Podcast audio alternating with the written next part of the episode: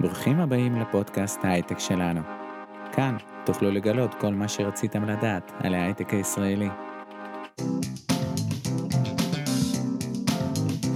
שלום אה, מאזינים יקרים, אה, ברוכים הבאים לפרק 7 של הפודקאסט שלנו, ואם כבר שמתם לב לאיכות של הסאונד והמיקרופונים, זה לא במקרה, אנחנו נמצאים כרגע בסטודיו סופר מקצועי בקמפוס של גוגל פור סטארט-אפס. וקודם כל, על ההתחלה אנחנו מודים מאוד למקום הזה שמארח אותנו היום. זה סופר מרגש, זה צעד קדימה רציני עבור הסטארט-אפ שלנו, פשוט וואו. אז uh, אתם בטח שואלים איך הגענו, הגענו לפה ו- ואיך uh, ככה זה, זה קרה שמצאנו את עצמנו כאן. אז uh, פה אני מעביר את השרביט ליאקי שיציג uh, uh, את האורחת uh, של הפרק ו- ויספר בכלל על הרקע, איך אנחנו מצאנו את עצמנו כאן. יאקי? תודה גרמן. אני קודם מציג פשוט את האורחת שלנו, אנחנו נמצאים פה עם נעמה יעקובסון. אה, שהיא יזמת, אה, ונפגשנו לפני שנתיים, אני חושב, או שנה וחצי. שנה. שנה, אולי אוקיי. אולי קצת יותר. קצת יותר משנה, כן. והאמת היא שישר כשנפגשנו, אה, מאוד התרשמתי מהיכולות שלך, אני צריך להחמיא ולומר. איזה כיף. כן, ולא יצא לנו לעבוד ביחד, אבל כן זכרתי מי את. ולאחרונה ראיתי איזשהו פוסט שפרסמת, ואז אמרתי, וואי, זה יכול להיות רעיון טוב אה, שנראיין אותך לפודקאסט שלנו. אז uh, הנה, בסוף את מארחת אותנו. את מארחת אותנו, את uh, נמצאת פה בגוגל פור סטארט-אפס, עם הסטארט-אפ שלך, ואת uh, מארחת אותנו במקום הזה. אז uh, תודה על האירוח באמת. Uh, אז uh, היי נעמה. היי, נעים מאוד. אהלן, אולי תציגי את, אני הצגתי מאיפה אני מכיר אותך, אולי תציגי את עצמך. היי, אני אדריכלית, אני 11 שנים בתעשיית הבנייה. התחלתי כ... משרטטת, אדריכלית בחברת בנייה, התקדמתי להיות מנהלת מחלקת תכנון, אה, וניהלתי מחלקת תכנון בחברת בנייה, ואת כל מה שקשור לזה, אה, עבודה מול אה, יועצים, מתכננים, האתר בשטח, להסתובב לראות שמתכננים, שבונים את מה שתכננתי, ואחרי כמה שנים טובות בתפקיד הזה, התחלנו לבחון להכניס סטארט-אפים. לתוך החברה שלנו כדי לעודד חדשנות, כדי אה, לייעל תהליכים, והתחלתי לראיין סטארט-אפים. וזה היה כזה, וואו, איזה מגניב מה שהם עושים, כאילו, אני כל כך מתוסכלת מזה שהתעשייה כל כך לואו-טקית ומיושנת והכל מתנהל במקרה הטוב באקסל ופחות טוב בוורד או בניירת עם חותמות עם תאריכים, שמשנים את התאריכים בחותמת, אתם מכירים את החותמות האלה? אז כזה, זה עדיין מתנהל ככה. וכאילו, איזה מגניב מה שאפשר לעשות עם הטכנולוגיה. ו... החלטתי ש, שזה מה שאני רוצה לעשות, כאילו אני רוצה לעזוב את האדריכלות, לקחת את כל הניסיון שיש לי, את כל הבעיות שאני חוויתי על בשרי של השוק הזה, וללכת לעשות את זה בעצמי, וללכת לה, להביא את המידע שלי לתוך העולם הטכנולוגי. אנחנו מדברים על לפני משהו כמו ארבע שנים, שכל ענף ה construction tech פשוט אה, התחיל להתפתח ולגדול, ואחרי תהליך אה, ארוך, שבו במאמר מוסגר גם הכרתי את השותפה שלי הנוכחית, נרחיב על זה בהמשך. אה, הפכתי להיות product manager בחברה שפיתחה אפליקציה לניהול ופיקוח באתרי בנייה. ובעצם כל מה שעשיתי offline, עשיתי אונליין, זה היה תהליך מרתק ומלמד, ופשוט בזכותו אני הייתי מסוגלת להגיע למקום הזה של היזמות, יש הרבה הרבה חפיפה בין תפקיד של product ליזם, הרבה ניהול, הרבה יכולות אה, מטריציוניות שבאות לידי ביטוי, אה, וכל הזמן זה ניכר בי הקטע הזה של ה construction tech זה שוק מדהים, אבל אין renovation tech, ואף אחד לא מתייחס לזה, ואני מכירה את זה כי עשיתי כל כך הרבה שיפוצים לאנשים, וליוויתי עשרות פרויקטים, ולמה זה מוזנח? זה שוק ענק. וכל מה שעשית אה, בעצם, אה, כשעבדת בלואו-טק, אה, בעצם היום בא לידי ביטוי במה שאת עושה היום. ממש, ב... ממש, ממש. אני, אני חווה את זה על בשרי, ואני מתרגשת, כאילו, שאני יכולה לעזור לאנשים עם, עם הדברים שאני חוויתי עם הלקוחות שלי ועם החברה שעבדתי בה.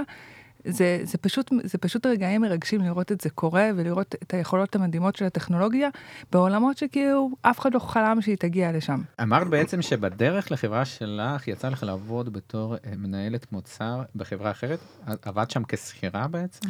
עבדתי כשכירה, אה, אבל בעצם הקמנו שם, אני והמנהל שלי, שהוא זה שגייס אותי, דרך אגב, אה, ממש משך אותי מהמקום שהייתי בו, כי תכננתי להם את המשרדים, ואני באמת חייבת לו הרבה על, ה, על האמון שהוא נתן בי, שהגעתי מעולם של לואו-טק ולא היה לי מושג מה זה product.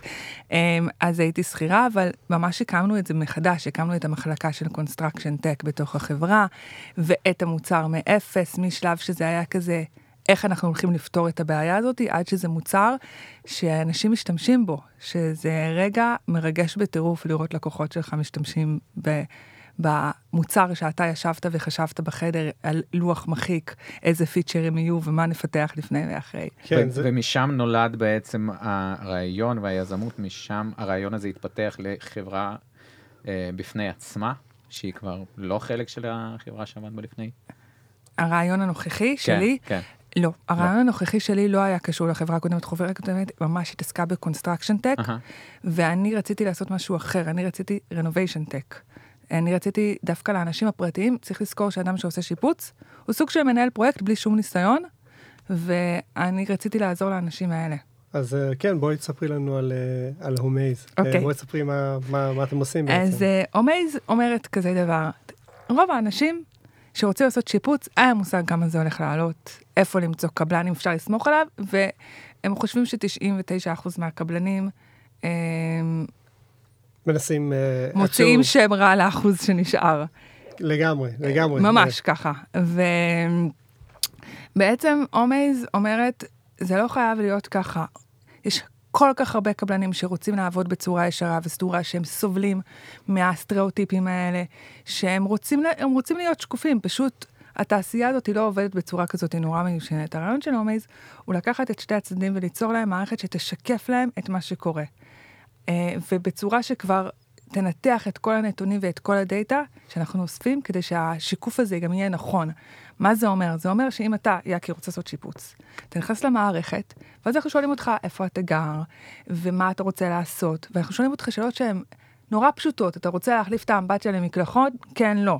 לא שאלות שקשורות לדברים שאתה לא מבין בהם, של בנייה. את זה אנחנו עושים בשבילך.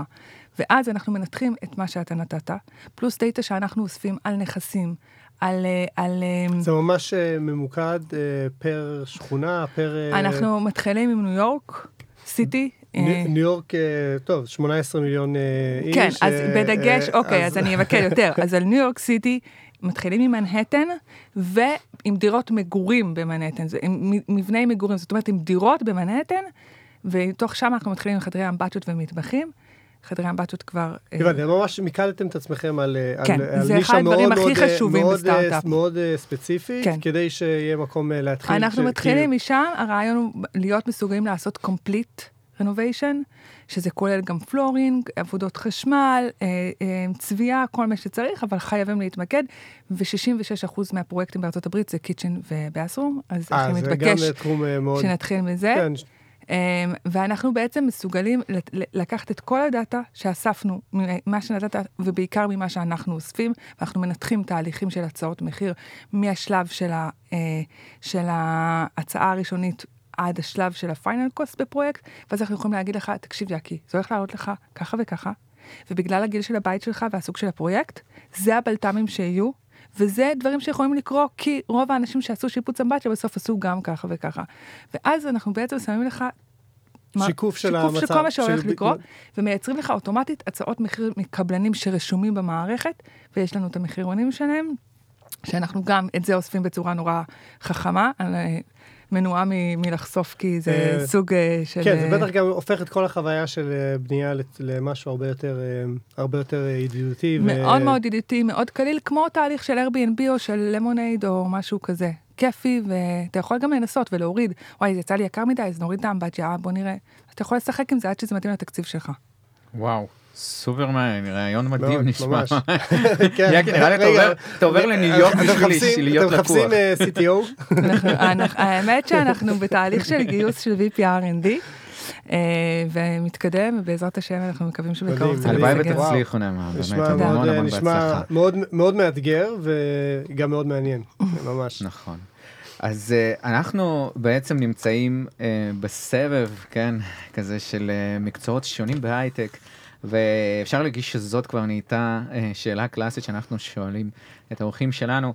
אני מבין שהתחום של יזמות הוא לא, אי אפשר פה להגיד שיש פה איזשהו מסלול קלאסי, איך נכנסים אליו, או אוניברסיטה שאפשר ללמוד ככה, ודאי שיש חוגים, בוודאי שיש אה, אה, אה, מחלקות באוניברסיטה שמלמדים יזמות, או... אבל בכל מקרה, כל אחד והסיפור האישי שלו.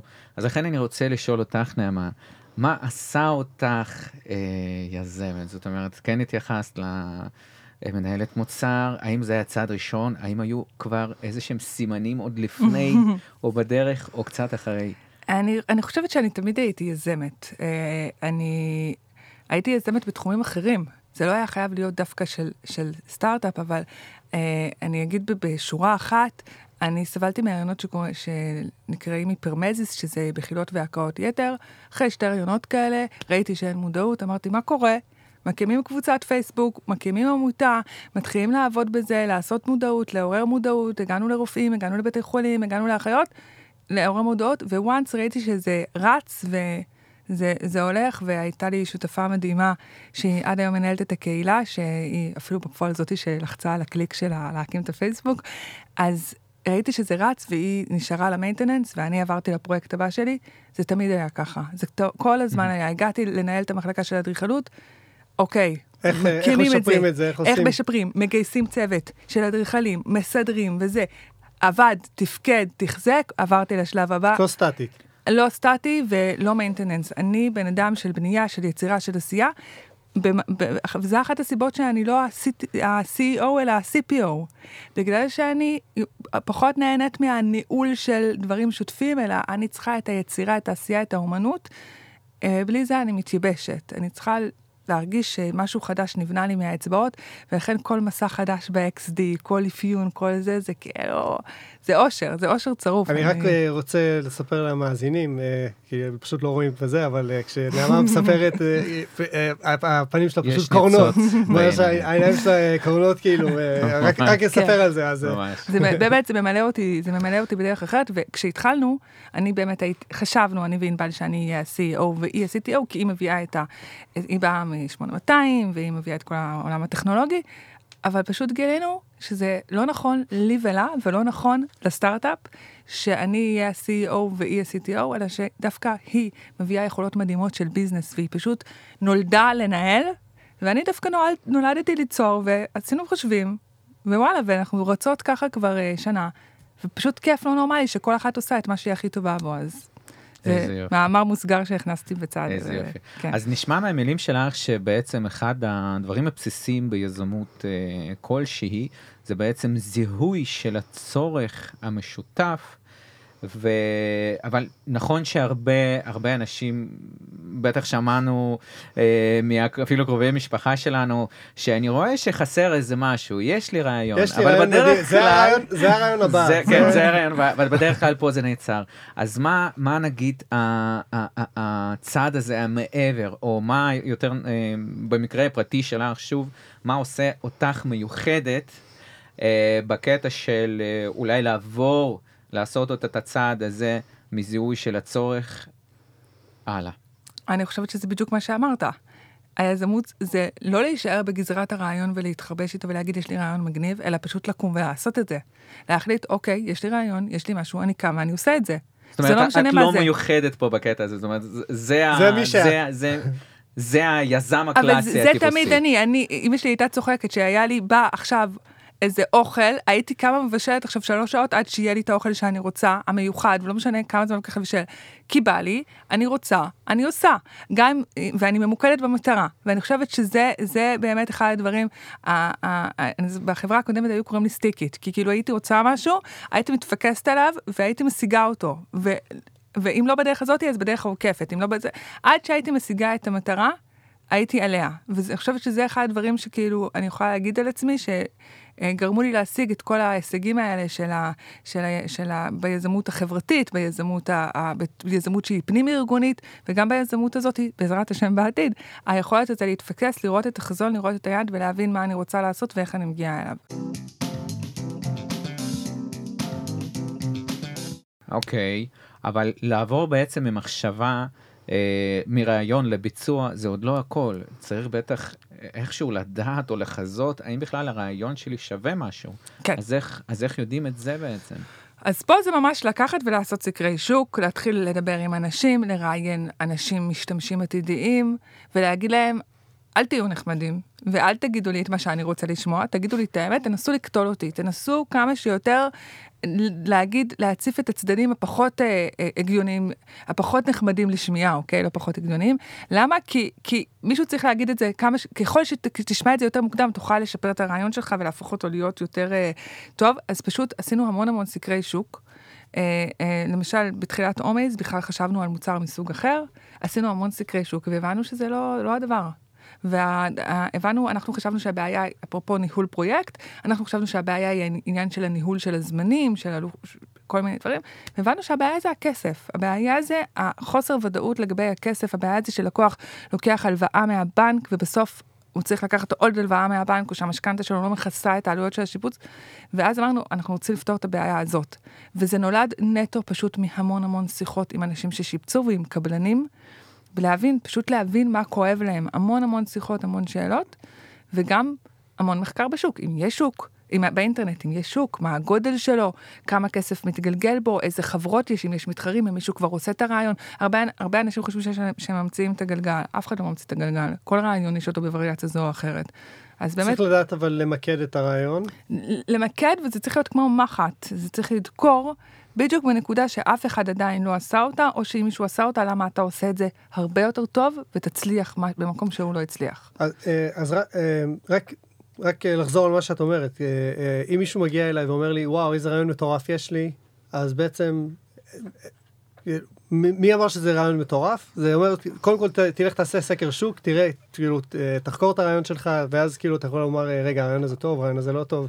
גם אם הוא חקר וחשב שזה רעיון טוב, גם רעיון מעולה, זה כמו ביצת זהב, אוקיי? אתם זוכרים את הסיפור על הביצת זהב, שמישהו אחד התלהב שיש לו ביצה, שהיא תטיל לו אה, ברווזים, אה, תרנגולים, ואז הוא ימכור, והוא ואלה ילדו לאמוד, והוא אה, כבר בנה בניינים שלמים מהחתיכת אה, ביצת זהב, עד שהיא נפלה ונשברה ולא נשאר לו כלום. זה אותו דבר. ביצה, ביצ... רעיון זה ביצת זהב, שם אתה עושה איתה. אם אתה באמת מסוגל אה, להפרות אותה, לטפח אותה, לגרום שהיא תלד ולדות, למכור וזה, להקים שוק שלם מזה, וואלה, אתה תהיה יוניקורן. אם אתה לא מסוגל, אז זה לא משנה כמה ביצה היא ביצת זהב, היא תישאר ביצה, אוקיי? זה, האנשים שהצליחו אה, להביא את החברות שלהם לכאלה, זה, זה, זה נטו ביצוע. רעיון זה מקסים, אבל ביצוע זה הדבר. ותשמעו את זה מכל משקיע ומכל, הם רואים מיליון רעיונות טובים, הם תמיד מסתכלים לראות אם הצוות יכול לבצע את זה בצורה הכי טובה. זה, זה...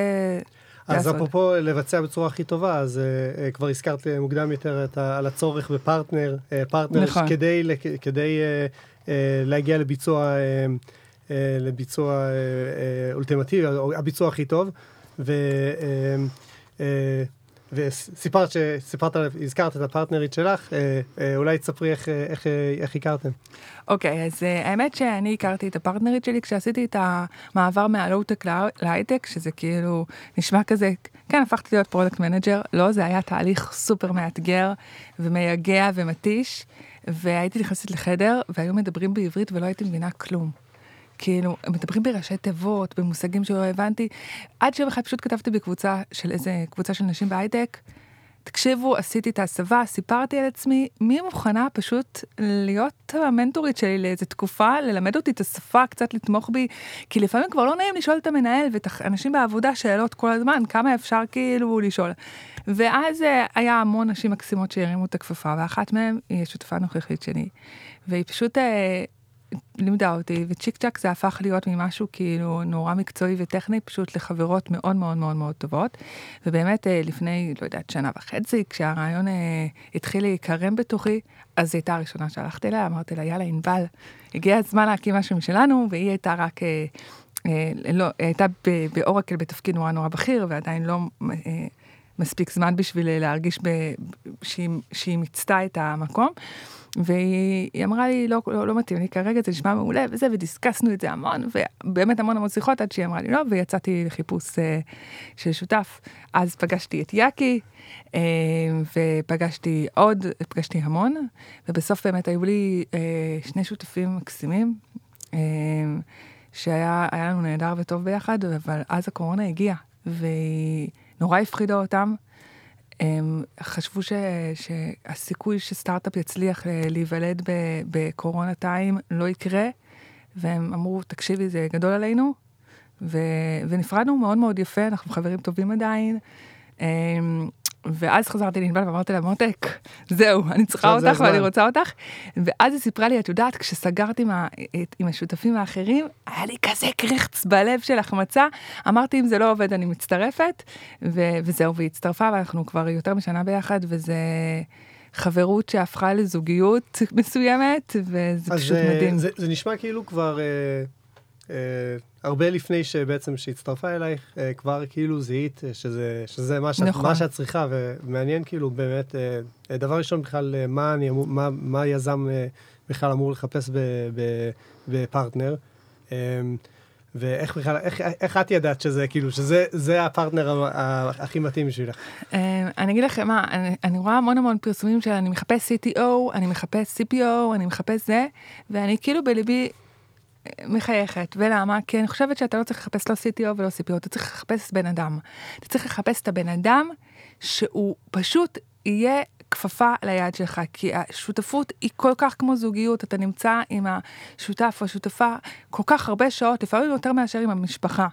אז חייב להיות כימיה מדהימה וכיף גדול ושתראו עין בעין ושתראו את הדברים בר... שמצד אחד תראו את הדברים באותו באותו צורה ובאותו השקפה וחזון משותף ומצד שני תהיו מספיק שונים בשביל אה, לאתגר ל... אחד את השני ו... להביא רעיונות שונים.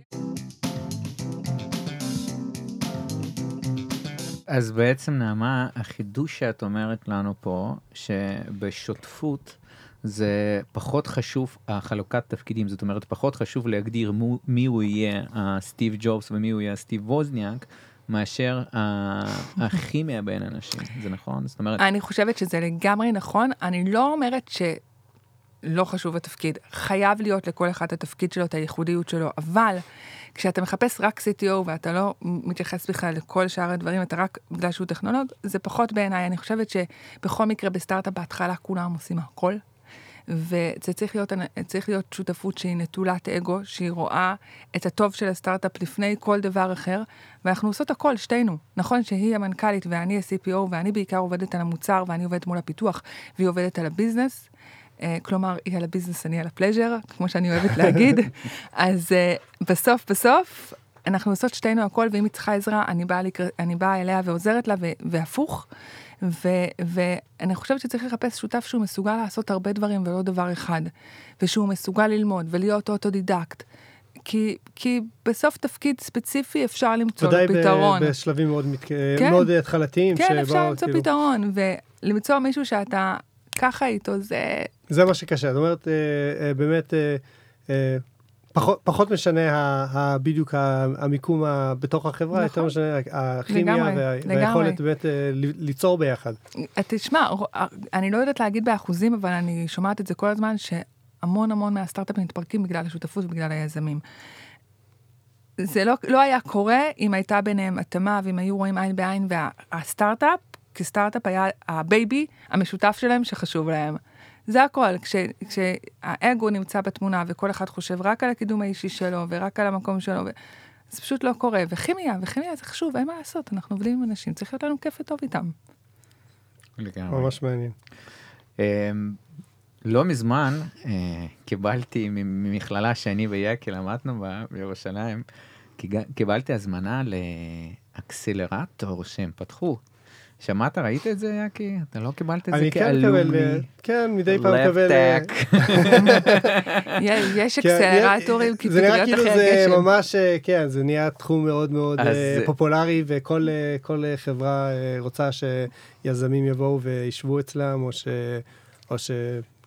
אולי, כן. כן, אז, אז היינו רוצים לשמוע ממך, נעמה, את הדעה שלך, אישית, או משהו שאת מכירה מהניסיון, אה, לגבי כל הנושא של האקסלרטורים, אה, חממות, hubs, whatever. אין לי המון המון המון ניסיון בעצמי, יש לי קצת, אה, הייתי בשתיים, אני חושבת שזה השלישי. אה, אני כן יכולה להגיד שאם מישהו כאן שוקל ללכת לאקסלרטור, לדבר עם יזמים שהיו קודם באקסלרטור הזה ולשמוע מהם כמה הם נתרמו ממנו, כמה הוא היה מקצועי, כמה זה לא היה רק שואו בחוץ, אלא באמת עזרה ספציפית וממוקדת לסטארט-אפ. אה, אה, אני רוצה פשוט לעצור אותך, כי אה, מה- בכלל, אה, מה זה אקסלרטור בכלל? אוקיי. מה, מה, כאילו, צודק. למה- למה זה- למה זה טוב? שאלה במקומה. אוקיי, אקסלרטור זה הם, תוכנית לסטארט-אפים שהם בתחילת הדרך והם צריכים פוש והם צריכים עזרה והם צריכים חיבורים והם רוצים מסגרת ו mentoring ואז קמים כל מיני גופים שיש להם את היכולות ואת הכלים ואת המקום אולי בשביל אה, לעשות את זה והם מציעים תוכנית כזאת שאמורה לעזור לסטארט-אפים. עכשיו, בגלל שאין שום הכשרה להיות יזם, ואין שום הכשרה להיות משקיע, ואין שום בעצם הכשרה ממוקדת לזה, זה יכול להיות אנשים שלא עבדו מעולם בהייטק, או שלא היו יזמים מעולם. אני מכירה אקסלרטורים שהמנהלים שלהם לא היו יזמים מעולם ולא מבינים בעולם היזמות, אבל הם הקימו אקסלרטור, כי זה נראה להם מגניב כי זה, וטוב. כולם עושים את זה. אני ממש מכירה את זה, אה, אבל אני, אני חייבת להגיד שאחד האקסלרטורים שהיינו בהם, האקסלרטור של ממר"ם, היה מדהים. למה? כי ההנהלה שם הייתה כל כך מקצועית וממוקדת, הם לא עשו הנחות, הם לא עשו פשרות, וההתנהלות שם הייתה, אם אתה לא מתקדם ועובד קשה, אז אתה תופס מקום של מישהו אחר שהיה יכול לעשות את זה. ו... כי בעצם, אה, בשביל להתחיל, להתחיל אה, חברה, אה, בסוף זה, זה, זה כנראה באמת הפער בין אם תצליח או לא תצליח, זה השאלה כמה קשה תעבוד, כאילו. לגמרי, לגמרי. אבל זה לא רק קשה, זה גם, אתה יכול לעבוד קשה לחינם. הם מאוד מאוד ידעו למקד אותנו, הם היו ממוקדים בכל סטארט-אפ. היה לנו תוכנית של חו- חודשית, של מה אנחנו משיגים בחודש הזה, ובכל שבוע היה לנו תוכנית לשבוע הקרוב, מה אנחנו משיגים בר- ברמת יעדים כמותיים. היה לנו פגישה עם המנהל של האקסלרטור, אורי גפני, שהוא מדהים, גם השותף שלו, אדם, אני חייבת להגיד. מקצוענים בטירוף, והם ישבו איתנו, והם מיקדו איתנו, והם כיוונו אותנו, והם עזרו לנו בתחומים שהיינו צריכים. וזה היה כל כך מקצועי, וזה נתן לנו דחיפה מעולה. עכשיו, אני לא יכולה להגיד על אקסלרטורים אחרים שלא הייתי בהם, אבל דיברנו ככה, הסטארט-אפים בינינו שמה, והיו, שאמרו, היינו באקסלרטור כזה ובאקסלרטור כזה, לקחו לנו equity אפילו, ולא היה משהו, היה לנו מקום, אבל היה הרבה מריחת זמן, המון המון הרצאות, demo days, שזה נורא מרשים, אבל לא באמת, בעיקר שריפת זמן לא, בעיניי. לא בהכרח value אה, כן, אמיתי. ואז אתה אומר כאילו, הזמן של יזם זה הדבר הכי יקר שיש לו. אני חושבת שאקסלרטור צריך לנצל כל שנייה של, של הזמן, ולא הרצאות משותפות שהן יכולות לא להיות לא רלוונטיות, ולא אה, כל מיני דברים כאלה, וזה קורה, זה פשוט קורה בהמון אה, אקסלרטורים. אז פשוט לשאול יזמים אחרים שהיו. ה- האם זה יכול להיות שאקסלרטור יוצר עבור יזם הטיה קוגניטיבית כזאת, שמישהו יהיה במקומו, הוא יעשה את העבודה שלו במקומו, ככה שבעצם הוא מרגיש בכלוב זהב. והאם לצורך העניין אקסלרטור נחשב טוב, אם מיד בהתחלה הוא מסנן אנשים כאלה שיש להם את האשליה הזאת לגבי שאנחנו נעשה, לחלוטין. נעשה את העבודה הזאת. זאת אומרת, הוא עדיין נשאר יזם, הוא עדיין עובד קשה שם, נכון? זה לא ש... תקשיב, אף אקסלרטור לא עושה במקומך את העבודה. אני חושבת שלסטארט-אפים יש, סטארט-אפיסטים מתחילים שלא מבינים איך אקסלרטור עובד, הם יכולים אה, אה, לחשוב שהם יבואו לאקסלרטור והאקסלרטור ידחוף אותם ויעשה בשבילם חלק לגמרי. מהעבודה. לא, אקסלרטור טוב לא דוח, עושה בשבילך חלק מהעבודה, הוא פשוט דוחף אותך כל כך חזק שתרוץ כל כך מהר ולא תוכל לעצור. זה מה שהוא עושה, הוא עוזר לך לצבור את השוונג שלך, הוא שם את היד על הגב ונותן לך את השוונג, אבל הוא לא רץ במקומך בשום שלב. אוקיי? אין מישהו שיכול לעשות את זה במקומך. אה, מה- אולי תסבירי מה הכוונה, אה, או איך זה בא לידי ביטוי, אומרת שדוחפים אותך, אז מה- מה- איך זה בא לידי ביטוי אוקיי, הדבר אז? אז, אז כמו שאמרתי קודם, אני, אני זוכרת את הפגישה הראשונה שהיה לנו עם המנהלים של האקסלרטור בממר"ם, עת שישבנו כזה בחדר, ואז הם אמרו, אוקיי, אמ, מה, מה, מה קורה, מה, מה אתם רוצות להשיג בחודש הקרוב, ואני אמרתי, אני רוצה להציג, אה, להשיג שאני מסיימת את, ה, את הדמו של הצד של המובייל, פרפקט, שאנחנו יכולים להתחיל להביא קבלנים, להראות להם את הדמו, ו, ו, ולהתחיל לחוש את השוק. אז הוא אמר לי, אוקיי, תוך כמה זמן את חושבת? אמרתי לו, חודש. אז הוא אומר לי, אוקיי, אז שבוע הבא הד, הדמו מוכן? ואני התחלתי לצחוק, אז הוא אמר לי, למה את צוחקת? אמרתי לו, מה שבוע? הוא אמר, תעבדי קשה. וזהו, ועבדתי קשה, ואחרי שבוע היה דמו. אז זה מין קואוצ'ר כזה. זה לא היה קואוצ'ר, זה היה, מישהו שם לי מראה. את צריכה לרוץ קדימה, חמודה, אין זמן לחודש. נכון, בחברה נורמלית בונים אפליקציה כזאת חמישה חודשים ואת חשבת שחודש זה מהר, אז לא, לא, זה לא מספיק מהר, תעשי את זה תוך חודש. אז נכון שלא גמרתי את כל המסכים ואת כל הזה, אבל עשיתי את זה, ואחרי, אחרי, ובמקביל הוא אמר לשותפה שלי, את משיגה עשר קבלנים שבעוד שבוע יש לך פגישה איתם ואתם מראים להם את המוצר ובשבוע השני ישבנו עם קבלנים והראינו להם את המוצר שלנו והתחלנו לקבל פידבקים ולערוך אותם. זה לא היה קורה בלעדיהם. חשבנו לעשות את זה. הייתם מחכים חודש והייתם, לא, היינו בונים את זה. ואז הייתם מחכים, לחפשים את הקבלנים. הוא אמר משהו מאוד חשוב. תוציא גרסה ראשונית ותרוצי תוך כדי ותתקני, אל תחכי שזה יהיה מושלם. שזה אחד הדברים הכי הכי קשים ליזמים, להוציא משהו שהוא הוא, הוא, הוא חלקי ולרוץ איתו, כל הנושא הזה של ה-MVP וה, והזה שזה, וואי, לא דיברנו על זה וזה ממש נושא בפני עצמו, הוא קשה, ומישהו צריך להגיד לך, אל תתבייש להוציא משהו חלקי, אל תתבייש, תתחיל עם זה, תרוץ, ובאמת המוצר עבר פשוט שינוי כל כך מהותי, והוא השתפר והשתפח, והוא כאילו... וואו, בגלל, איזה מדהים. בגלל הפידבק המוקדם בגלל שקיבלתם. בגלל הפידבק המוקדם, והכרנו קבלנים שהצטרפו אלינו, כשות... שאהבו את המוצר, שהצטרפו אלינו כשותפים, כ design partners, שהתחילו ממש לבנות איתי את זה ברמה הפגישות יומיות, שבועיות, שממש בנינו ולעסנו את הכל, והיום המוצר הוא, הוא, הוא עולם אחר, רק בגלל שפשוט מעורבים בו כל כך הרבה לקוחות שפשוט בנו איתנו את המוצר. וזה משהו שהוא קרה פשוט בזכותם, באמת, אני... יפה מאוד. יקי, נראה לי אנחנו צריכים אה, אקסלרטור להייטק שלנו. אה, אולי נצטרף לגוגל פור סטארט-אפ. וואי, אנחנו נשארים פה, עזוב. ככה אין לנו שום, יותר לנו בעיה. נעמה, תודה רבה. יפה, אז חלק מאוד משמעותי בכל תהליך של סטארט-אפ שמתחיל זה באמת גיוס, גם גיוס הון. מתי, מתי מגייסים? ב, איך, אני, איך אני יודע אם אני מוכן לגיוס הון? אה, אה, איך זה עובד בכלל? אני, אני עכשיו רוצה להתחיל סטארט-אפ, אה, אני, אני, אני יכול לחשוב שאולי הדבר היחיד שעומד בפניי כרגע זה כי אין לי, אין לי, אין לי מזומנים להתחיל לממש את הרעיון שלי. אבל כנראה זה לא באמת ככה. באמת...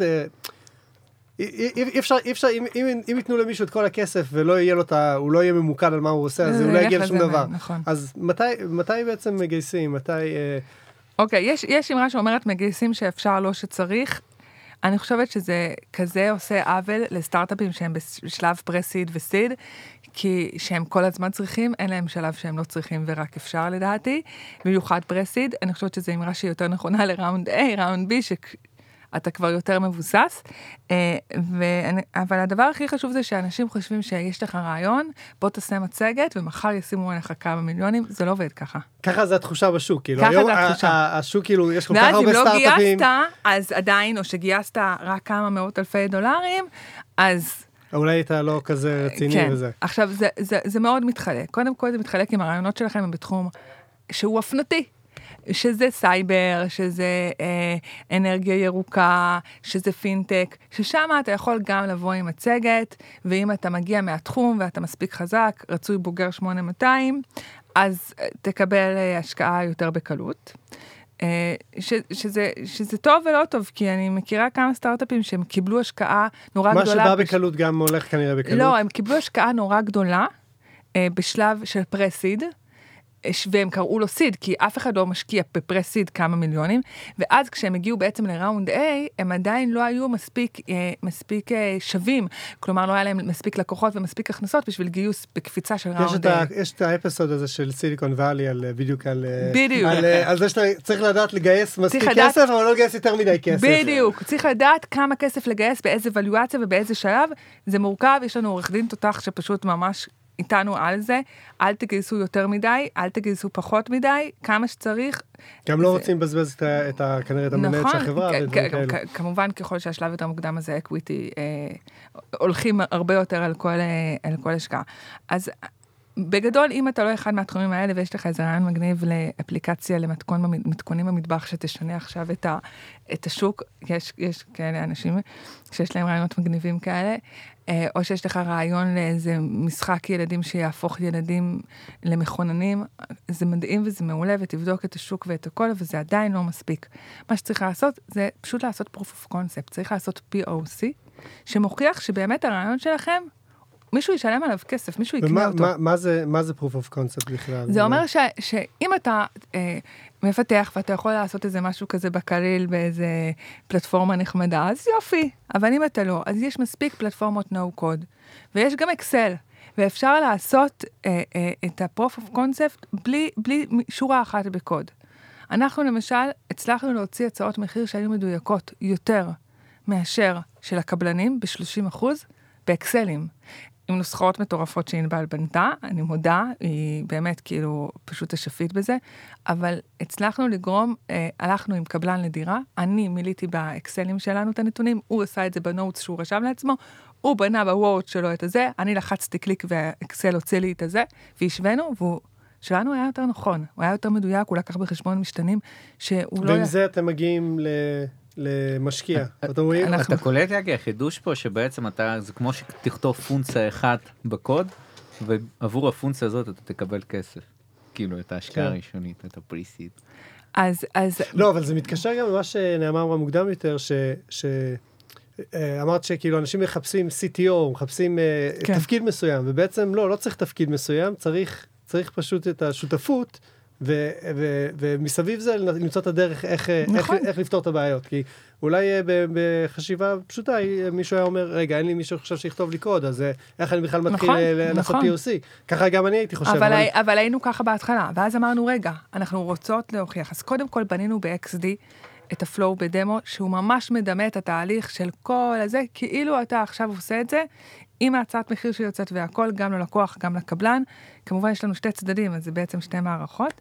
אה, וממש עשינו את זה, והיום שאנחנו הולכים לקבלנים, אנחנו הולכים אליהם עם, עם הדמו שהוא ממש מדמה חוויה של אה, מערכת, והם משחקים בזה ונותנים לנו אינדיקציה, אבל כדי להוכיח שאנחנו באמת גם עומדים מאחורי, ה, מאחורי המספרים שאנחנו אומרים, אנחנו באמת מסוגלים להיות, אה, לעשות את, ה, את התמחור, אבל לא רק את התמחור, לחזות את הבלת"מים, להצליב את כל הדאטה, וביחד אה, להיות מסוגלים לש, לשקף דברים שראש של בן אדם לא יכול לעשות, זה אה, משהו שהיינו צריכים להוכיח, ואת זה הצלחנו להוכיח.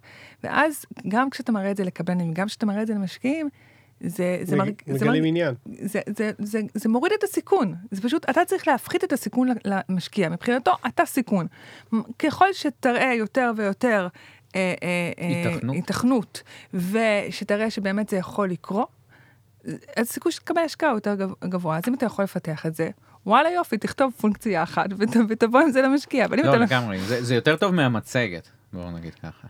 כן, מצגת זה גם חשוב. מצגת אה, זה, בסוגריים, אני אגיד לכם שמצגת של סטארט-אפים זה אבולוציוני בטירוף, וזה ממש כמו הקוף לבן אדם, כאילו אתם תראו את זה. ו- מהשלב הראשוני. מהשלב הראשוני למה שזה היום, זה עובר תהליך אה, מטורף. אני עדיין זוכר את המצגת ש... וואי, אני אשלח לך, אני אשלח לך את החדשה, רק שתראה כאילו את הפערים המטורפים במקצועיות, בהסברה, בהכל. כאילו זה פשוט, אתה עושה עבודה ואתה מתקדם. אז אה, אבל זה... אבל. רגע אם אנחנו מדברים על המצגת המצגת זה לא היום זה לא נחשב כזה של משהו של פעם כזה.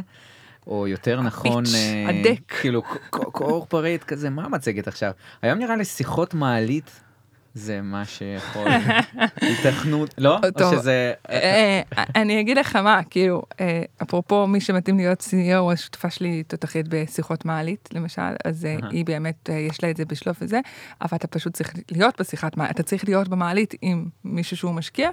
אני פחות חושבת שזה עובד היום. לפגוש משקיע בשיחת מעלית ולהצליח להעליב אותו, אתה צריך להיות אה, פנומנל בתחום.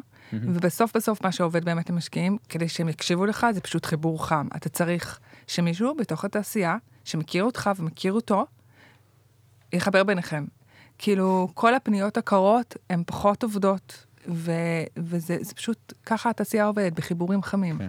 אלא אם כן יש לך מצגת במעלית והמעלית נתקעת. אתה יודע, זה, יכול להיות, אה, אתה יודע, זה יכול להיות אסטרטגיה. המעלית. לסכם עם, האיש האיטי שיעצור את החשמל לכמה אה, דקות. את מעלה פה אבל נקודה מאוד אה, חשובה, שזה באמת אה, קשרים, אה, קשרים בתוך, אה, בתוך התעשייה, ושאם מישהו אה, רוצה להיות, אה, אה, להפוך להיות יזם, אז אה, שלא, שלא יבוא עם רעיון, שיתחיל אה, ליזום קשרים בתעשייה, זה כבר, אה, זה כבר גם יכול, אה, וגם וגם, כן, זה גם, יזמות זה דבר קשה. דיברת על, על נושא של קשרים, אז אה, מישהו שרוצה עכשיו להפוך להיות יזם, אה, כנראה, ש, כנראה שזה לא רק מספיק אה, עכשיו שיבוא ויגיד, אה, יש לי איזשהו רעיון, יאללה, אני נהיה יזם, אלא כדאי כאילו, בוא תתחיל ליצור קשרים, בוא תתחיל להכיר את האנשים בתוך התעשייה, בוא תתחיל אה, אה, אה, לעשות, אה, לא, קיצור, טוב, לגמרי, אה, אתה לא חייב להגיע עם הקשרים, אתה יכול ליצור אותם אחרי. אה, אבל זה טוב אם הגעת עם הקשרים. כאילו, אם הגעת מתוך התעשייה, אם אתה בוגר יחידות טכנולוגיות, או עבדת בתוך אה, חברות אה, אה, גדולות ומוכרות, זה עוזר. אה, אבל תמיד אפשר ליצור את הקשרים האלה, וכן, זה תעשייה שהיא בסוף, גם פה, גם, גם התעשייה הישראלית וגם תעשיית הסטארט-אפים בניו יורק, היא, היא לא כל כך גדולה, וזו סצנה שכולם מכירים בה את כולם, ואתה צריך שיכירו אותך, אתה צריך שידעו שאתה קיים. אה, וש, כדי שיחברו אותך. עכשיו, זה לא מספיק שידעו שאתה קיים, שידעו שאתה קיים, שאתה תותח, שאתה עושה את העבודה, שאתה מתקדם כל הזמן, ושאתה הולך להשיג את המטרה ויהי מה. ואז אה, אתה צריך שמי שיחבר אותך, י, פשוט ישקף את הדבר הזה. ישקף את זה, את, את זה שאתה כזה למשקיעים ולחיבורים. עכשיו, חיבורים זה, זה למשקיעים, וזה גם לכל מיני בעלי עניין שיכולים וזה להביא גם למצוא. פרטנר, או גם ל... זה גם למצוא פרטנר, זה גם למצוא design partner, וזה גם למצוא חברות שיהיו הלקוחות הראשונים שלך. זה, זה, חיבורים זה הדבר הכי חשוב כמעט בסטארט-אפ. זה, ב- בלי חיבורים סטארט-אפ לא יכול לקרות. Um, הקשרים הם חשובים גם um, עבור יזם עצמו. אז איך הוא יכול לזהות את הקשר האיכותי, או במילים אחרות, מהו ה-KPI? אני רוצה להרגיש גם, אחי, זה מקום, אני לא יודע, המיל... המילים האלה. גרמן, מה זה KPI? בקיצור, איך, איך הוא יודע לזהות את הקשר האיכותי וואי, הזה? אני, אני חושבת שזה פשוט אינטליגנציה רגשית ואינטואיציה. אה, זה לא, זה לא, זה לא כמו רעיון עבודה שאתה מכיר בן אדם ומנסה לעשות את זה כזה פחות פורמלי, אבל אתה כן מראיין אותו. חיבור יכול להיות בכמה דרכים, או שנפגשתם ספונטנית, היי, מה אתה אתה עושה, וואי, איזה מעניין, וזה, מספרים אחד על השני, או שמישהו חיבר ביניכם. ברגע שמישהו חיבר ביניכם ואתם נפגשים, אז כל אחד מספר על עצמו, ואז חושבים ביחד איך אני בא, יכול לעזור לך, איך אתה לשני. עוזר לי, איזה חיבורים אני יכולה לעשות לך, איזה אתה יכול לעשות לי. וזה נורא נורא מתגלגל, וזה נורא נורא נורא מקובל. אני לא... לא, אני יכולה לקבל מייל מחברה יזמת, היי נעמה, אני מכירה לך אה, חברה שלי שהייתה אדריכלית ורוצה להפוך להיות יזמת, יש לה רעיון לאפליקציה של, אה, של עיצוב פנים, אה, תכירי זאת וזאת במייל, בלי שהיא אמרה לי קודם. ואני מקבלת את המייל ואני אומרת, היי נעים מאוד, בואי נקבע שיחה. אני לא, אף אחד, אתה לא מכינים אותך לזה שעושים חיבור. זה נורא נורא נורא מקובל שאתה פשוט דינמי. מקבל מייל של חיבורים, ושאתה יוצר מיילים של חיבורים עם אנשים. אלא אם כן אתה יודע שזה מישהו שהוא עסוק או חשוב, או כאילו רוצה לסנן את החיבורים שעושים אליו, ואז אתה שואל לפני. אז זה נורא נורא דינמי, זה נורא מקובל וזה קורה המון, ואני הייתי נותנת פה טיפ, אל תזלזלו בשום חיבור בחיים, החיבוכים הכי מגניבים ומעניינים, והפגישות הכי טובות שהיה לנו יצאו מכאלה שכאילו גלגלנו עיניים לפני ואמרנו, וואי, למי יש זמן לזה, למי יש כוח לזה, מה הוא כבר, או היא כבר יכולים לעזור לנו. והיה גם פגישה מעולה, וגם גילינו שמה שחשבנו, או שאמרו לנו על הבן אדם זה לא נכון, והוא משהו אחר, והוא מאוד רלוונטי, או שהיה לו איזה חיבור מדהים שהוא יכל לעשות לנו, ולא לזלזל בחיים בשום חיבור. חיבורים מדהימים יוצאים מפגישות הכי הזויות שיש, אז זה, אלה טיפים מדהים. מאוד חשובים. כן. אמ, אמרת איך מזהים, אבל אה, קשה פה לא להתייחס לשינויים שקרו בעולם לאחרונה, ואני מאמין שפעם הקונקשנים החדשים נוצרו בפגישות או פנים מול פנים. אה, איך בעצם הקורונה השפיעה על הנושא הזה של יצירת קשרים חדשים? טוב, אה, זה פשוט עבר להיות uh, בדיגיטל, זה עבר להיות בזום, זה עבר להיות בטלפונים, במיילים, אני דווקא לא רואה את זה. זה פגע באיכות של זיהוי קשר טוב? אני חושבת שזיהוי קשר טוב זה לא כל כך קשה, אוקיי? זה פשוט, זה, יש לזה KPI ברורים. היו חיבורים טובים בסוף הפגישה, מה יצא מהחיבורים האלה? היה כימיה טובה? יש סיכוי לעתיד כלשהו ממה שהייתה פה בשיחה, או שזה היה בזבוז זמן אחד גדול. אנחנו אחרי כל שיחה, אחרי כל פגישה שיש לנו, יושבות ומסכמות. אבל בקצרה, בכמה דקות, זה היה טוב, זה לא היה טוב, מה, מה לקחנו מזה, מה לא לקחנו מזה, מה למדנו, מה לא למדנו. גם הצגת את עצמך יותר מדי ארוך, שימי לב פעם הבאה לקצר, גם כאלה, ממש ממש כל הזמן מבקרות את עצמנו, ואתה מאוד בקלות מזהה אם חיבור הוא, הוא, הוא כלום. זה, זה, אבל שוב, אני, אתה לא יכול לדעת איזה בן אדם, מה יצוץ לו אחרי כמה זמן ואיזה שכן יש לו בבניין, ואיזה דודה ואיזה סבא, וכל אחד יש לו כל כך עולם מושלם, אז אני בחיים לא מזלזלת בשום חיבור. אה, ו- וגם אם זה פחות אה, עבד לנו, אז נפרדים לשלום בידידות. ו... אבל אלה שעבדו, הן אה, דורשות ניהול? וואו, בשביל לנהל את זה, זה, זה תחזוקה כל הזמן. זאת אומרת, אנחנו מנהלים רשימות מסודרות ב-Monday, איזה חיבור, איך הוא הגיע אלינו, מתי היה הקשר האחרון, איזה חיבורים הוא הביא, מה הוא הביא.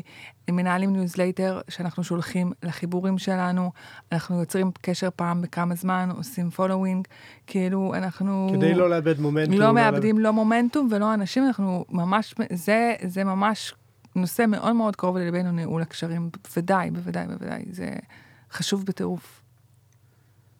ויצירה של חדשים כל הזמן. וואו. פרק אה, מעניין. כן, אני יושב. אני כאילו רק תמשיך לדבר, אני כאילו יכול כן, זה לגמרי נכנס אחרת, זה, חבר'ה חבל שאתם לא איתנו פה. אם היה לנו אפשרות להכניס את כל המאזינים שלנו לחדר ולהיות איתנו כאן, כי זה אחרת לגמרי. אה, יאקי, אתה רוצה לעשות סיכומון קטן?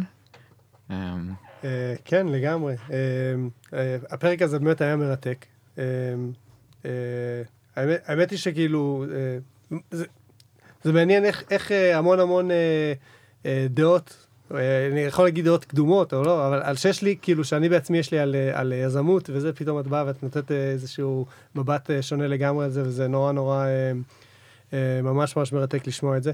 אה, את רוצה אולי אה, לספר, לומר למאזינים, מי שרוצה למצוא, מי שרוצה למצוא את החברה שלכם, איפה, איך אפשר למצוא? רגע, לפני, לפני שנעמה, לפני שנעמה מספרת לנו עוד קצת על החברה שלה, אני רוצה להגיד שמה שאני לוקח איתי מהפרק הזה, זה כמה אשליות שעקירות שנפלו לי או לטובה או לרעה ו, ובאמת הרבה חידשת לגבי היזמות, ו, אבל מה שכן אני רואה, שכמו בשאר התחומים אה, בהייטק ולא רק, הרבה הרבה הרבה חשיבות דווקא נופלת על הבן אדם. זאת אומרת, הפקטור הנשי בסופו של דבר משחק פה המון, ולפעמים יותר מרעיון עצמו ו- ומהביצוע, שעובדה ש... אה, לגמרי. כן, וזה משהו ש... וזה גם במשקיעים, שרק... גם במשקיעים. הם, הם משקיעים באנשים שהם מתחברים אליהם, שהם אוהבים אותם, שכיף להם לעבוד איתם, זה ככה זה עובד. אני חושב שזה, אני חושב שזה מדהים איך, אה, אה, אה, זו התחושה שלי בכל אופן, שכל פרק שאנחנו מסיימים, אני כזה אומר, רגע, זה בכלל לא מה שחשבתי, כאילו, זה, כאילו, זה, אני חשבתי, כאילו, כאילו, חוץ, עולם ההייטק הוא, הוא כל כך חדשני, שאפילו הדברים שאנחנו, שמגיעים מתוך עולם ההייטק, חושבים על עולם ההייטק, זה כנראה, זה גם לא תמיד, לא תמיד נכון, ותמיד יש מבטים אפילו הרבה, הרבה יותר חדשניים על הנושאים האלו, אז זה באמת מרתק, ו... אז uh, כמה מילים כן על החברה עוד ואיפה אנחנו יכולים למצוא עוד קצת עלייך על החברה הבמה שלך. אוקיי okay, אז uh, שנייה לפני שאני אגיד על החברה אני כן אני כן רוצה להגיד שיכול להיות שצבעתי את היזמות כאן בוורוד נורא. יזמות זה דבר סופר מאתגר וקשה ותיכנסו לזה אם זה בוער בכם כי זה פשוט חוויה אדירה ואני לומדת כל יום המון אבל אם זה לא בוער בכם אל תתחילו עם זה זה כל כך קשה ומאתגר, שאתה צריך לרצות את זה בכל נים ונים בגוף שלך, ולהיות מוכן לשלם הרבה מחירים של, אה, של זמן עם הילדים ועם הבית, שאני נמצאת הרבה פחות מטבע הדברים, ומחירים כלכליים בהתחלה, כי אתה יורד בשכר או שאין שכר, וכי אתה גם לומד לקבל המון המון לואים בחיים ולחטוף גם, אה, לחטוף לא גם ממשקיעים וגם מלקוחות.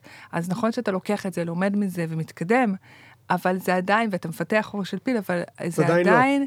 זה עדיין לא, ולא, באיזשהו שלב זה, זה כבר פחות uh, קשה, כי יש גם קצת קנים מדי פעם שעוזרים, אבל זה, זה, זה עדיין uh, להיות מסוגל להיות בעמדה שמקבלת גם לא, ולא מקבלת גם רק כן. Uh, זה state of mind כזה של רכבת הרים מטורפת, שאתה יכול להיות בטוח שמחר אתה סוגר את ההשקעה של כל זה... הסבב, ואז בסוף אחד השותפים בקרן פחות ישן על זה לילה, או שהתייעץ עם שכן שלו, ו, ובסוף הוא החליט שלא, וזה דברים שקורים. אז צריך, צריך לדעת שביזמות יש חלקים מדהימים, אבל יש בה גם חלקים קשים. אני חושב שדווקא בכלל לא צבעת את זה בוורוד, כי עצם זה שאפילו לא דיברנו על האקזיט הנפלא והכל דבר שכל יזם חולם עליו אולי, זה רק אומר נכון. שהצגת את התחום as is. אני חושב שזה מאוד אה, פשוט מאוד לחוות את זה, לחוות את העבודה שלנו פשוט באקסטרים, כאילו כל דבר ש... בן אדם נורמלי חווה בעבודה שלו, אז נכון. פשוט מאוד לוקחים את זה כאילו לרמה הכי גבוהה, כאילו בכל, בכל סוג של תחושה, גם ב... אה, ככה אני פשוט אה, מדמיין את זה, לא שאני עדיין לא נמצא שם.